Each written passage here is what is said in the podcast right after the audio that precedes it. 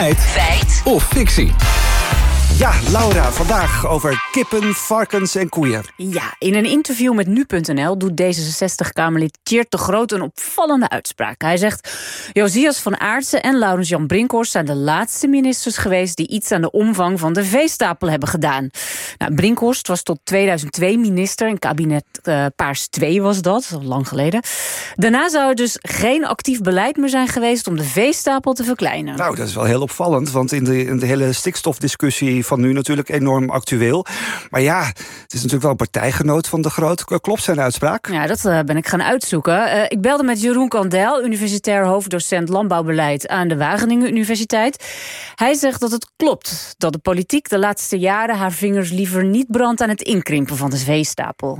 Je ziet dat uh, het, het, het, sturen op de veestapel hè, eigenlijk altijd een politiek taboe is geweest. Dus er is nooit echt beleid geweest dat expliciet een doel had, uh, in ieder geval niet de afgelopen twee decennia, om op die veestapel te sturen. Maar er is wel heel veel beleid geweest dat, dat indirect een impact had op die, op die veestapel. Ja, een politiek taboe dus. Maar je hoort het hem al zeggen, toch is er wel wetgeving aangenomen die min of meer indirect invloed heeft gehad op die veestapel. En hij geeft een voorbeeld. Een hele belangrijke was de invoering van fosfaatrechten in 2015. Omdat toen het melkquotum eraf ging. Dus melkveehouders mochten daardoor weer meer uh, melk gaan produceren. Maar dat leidde ook tot een extra productie van mest en dus extra milieudruk. En daarom zijn fosfaatrechten ingevoerd die weer die, die melkveestapel, want boeren gingen massaal uitbreiden na 2015, ja, om die melk, melkveestapel toch weer wat terug, uh, te, terug te dringen. Ja, en verder is een belangrijke maatregel van het vorige kabinet geweest om helemaal te stoppen met de nertse fokkerij in Nederland. Ook dat hoort bij de veestapel. Oh ja, natuurlijk. Ja, denk je niet zo snel aan natuurlijk. Mm -hmm. Maar uh, ondanks dit politieke taboe is er dus toch inderdaad wel wat gebeurd. Ja,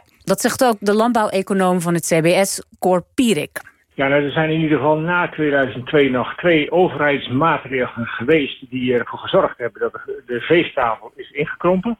De maatregel die in 2016 getroffen is als het gaat om de inkrimping, de generieke korting van de melkveestapel. En een tweede maatregel die ook na 2002 zeg maar, heeft gespeeld... dat is de opkoopregeling varkenshouderij. Ja, hierdoor zijn in Nederland nu volgens Pierik echt minder varkens dan in 2002. Oké, okay, maar waarom valt dat beleid van de landbouwministers... uit de paarse kabinetten dan toch zo op, waar de Groot ook naar verwijst?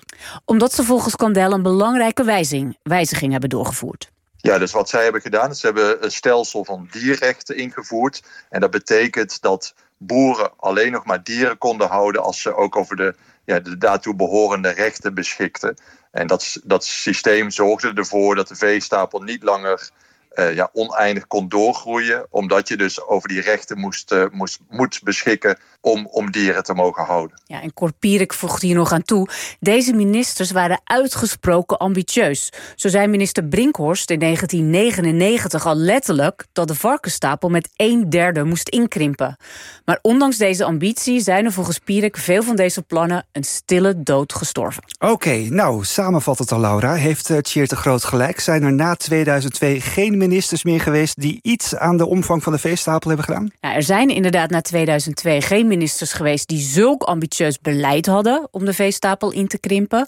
Maar er is in die tussentijd wel degelijk meerdere keren wetgeving ingevoerd die zorgde voor minder vee.